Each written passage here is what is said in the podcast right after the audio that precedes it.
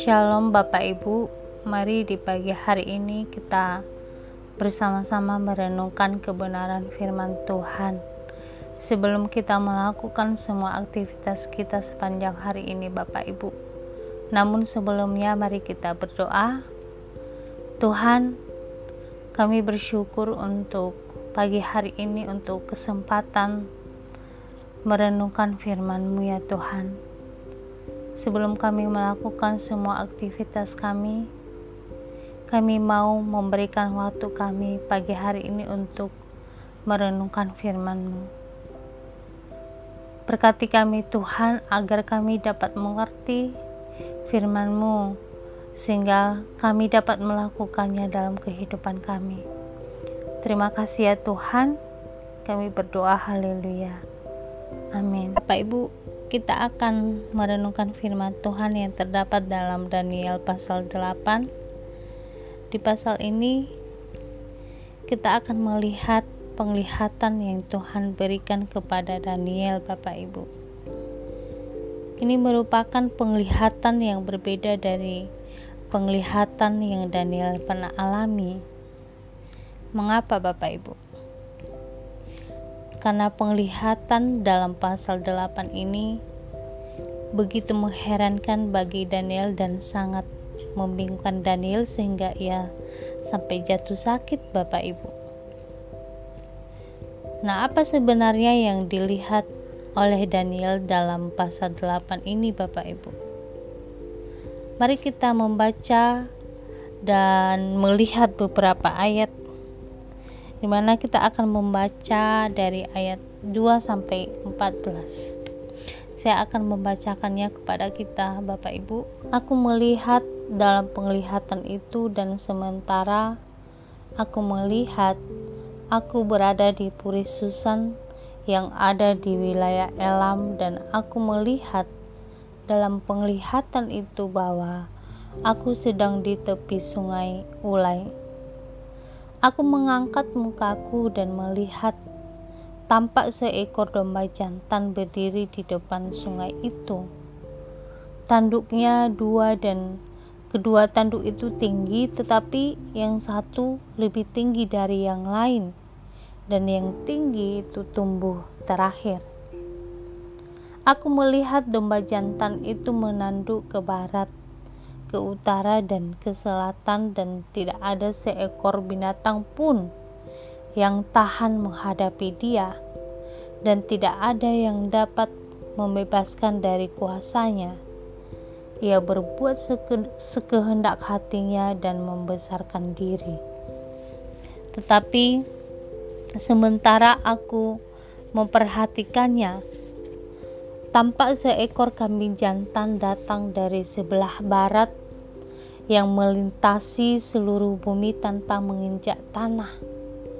Dan kambing jantan itu mempunyai satu tanduk yang aneh di antara kedua matanya. Ia datang pada domba jantan yang kedua tanduknya dan yang kulihat berdiri di depan sungai itu, lalu menyerangnya dengan keganasan yang hebat. Aku melihatnya mendekati domba jantan itu ia menggeram lalu ditanduknya domba jantan itu. Dipatahkannya kedua tanduknya dan domba jantan itu tidak berdaya untuk tahan menghadapi dia. Dihempaskannya dia ke bumi, diinjak-injaknya dan tidak ada yang melepaskan domba jantan itu dari kuasanya. Kambing jantan itu sangat membesarkan dirinya, tetapi Ketika ia sampai pada puncak kuasanya, patahlah tanduk yang besar itu lalu pada tempatnya tumbuh empat tanduk yang aneh, sejajar dengan keempat mata angin yang dari langit. Maka dari salah satu tanduk itu muncul suatu tanduk kecil yang menjadi sangat besar ke arah selatan ke arah timur dan ke arah tanah permai. Ia menjadi besar bahkan sampai kepada bala tentara langit dan dari bala tentara itu dari binatang-binatang dijatuhkannya beberapa ke bumi dan diinjak-injaknya. Bahkan terhadap panglima bala tentara itu pun ia membesarkan dirinya dan daripadanya diambilnya korban persembahan sehari-hari dan tempatnya yang kudus dirobohkannya. Suatu kebaktian diadakan secara fasik menggantikan korban sehari-hari. Kebenaran dihempaskannya ke bumi dan apa pun yang dibuatnya semuanya berhasil.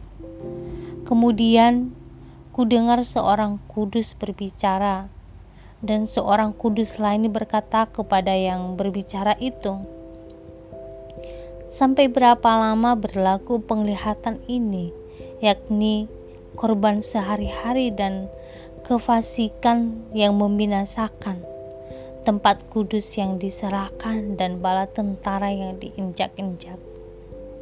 Maka ia menjawab, sampai melewati 2300 petang dan pagi. Lalu tempat kudus itu akan dipulihkan dalam keadaan yang wajar. Bapak Ibu, dalam ayat 2 sampai 14 ini memberikan mengenai penglihatan yang dialami oleh Daniel yaitu domba jantan dan kambing jantan Bapak Ibu. Daniel ketika mendapat penglihatan ini muncul malaikat Gabriel yang diminta untuk menjelaskan arti dari penglihatan itu.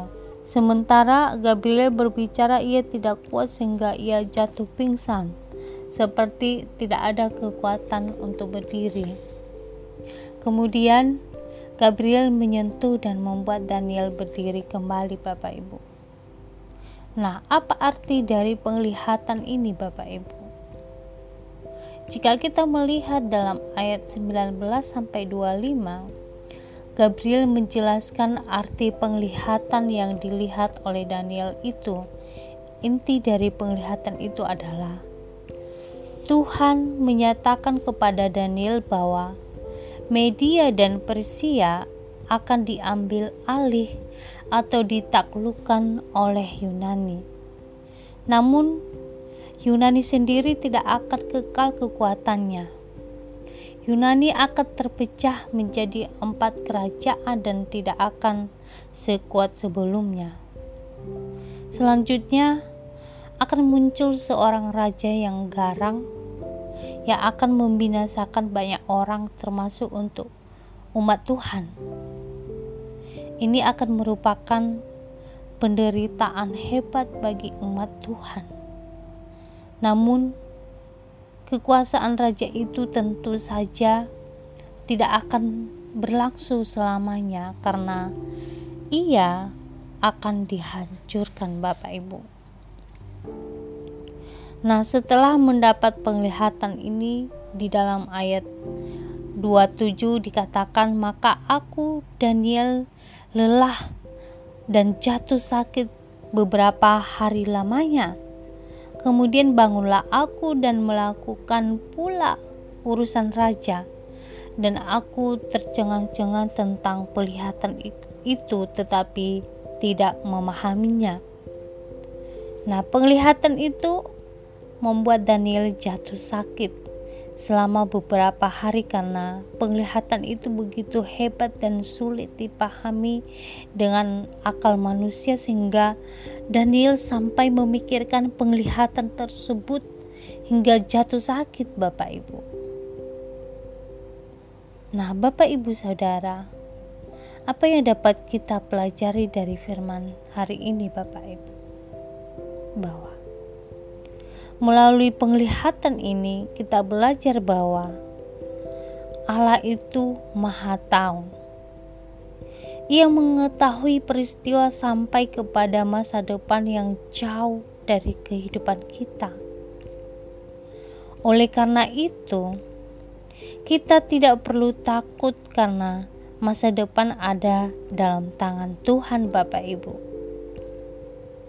Ia yang merancangkan kehidupan kita dan membawa kita kepada hidup yang diberkati bila kita tetap mengandalkannya Bapak Ibu. Kemudian yang dapat kita pelajari dari firman Tuhan hari ini yaitu melalui penglihatan ini kita belajar bahwa segala penderitaan dan tantangan yang terjadi dalam kehidupan umat Tuhan pasti akan berakhir. Jangan menjadi tawar hati atau marah kepada Tuhan atas pergumulan yang kita alami, karena semua itu akan berakhir, Bapak Ibu. Kemenangan pada akhirnya akan menjadi bagian orang-orang benar yang hidup sesuai dengan firman Tuhan Bapak Ibu. Ingat, penderitaan atau pergumulan tidak akan kekal karena seperti badai ia akan berlalu Bapak Ibu. Oleh sebab itu, tetaplah berharap kepada Tuhan. Tetaplah hidup dalam kebenaran karena pada waktunya Tuhan akan membawa kita masuk dalam kekekalan di mana tidak akan ada penderitaan atau pergumulan lagi Bapak Ibu. Ada amin Bapak Ibu. Demikianlah renungan yang dapat kita dengarkan pada pagi hari ini. Mari kita berdoa Bapak Ibu.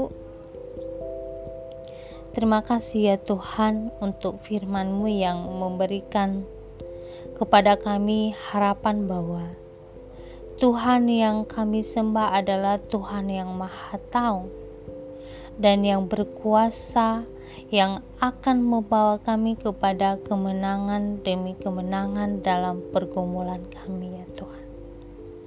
Terima kasih ya Tuhan karena kesetiaan-Mu sampai hari ini bagi kami. Kiranya Engkau selalu menolong kami dan memberikan kekuatan kepada kami untuk tetap hidup dalam kebenaran-Mu ya Tuhan. Kami berdoa dan mengucap syukur kepadamu ya Tuhan dan menyerahkan seluruh aktivitas kami sepanjang hari ini ke dalam tangan Tuhan. Terima kasih ya Tuhan. Dalam nama Tuhan Yesus, haleluya. Amin.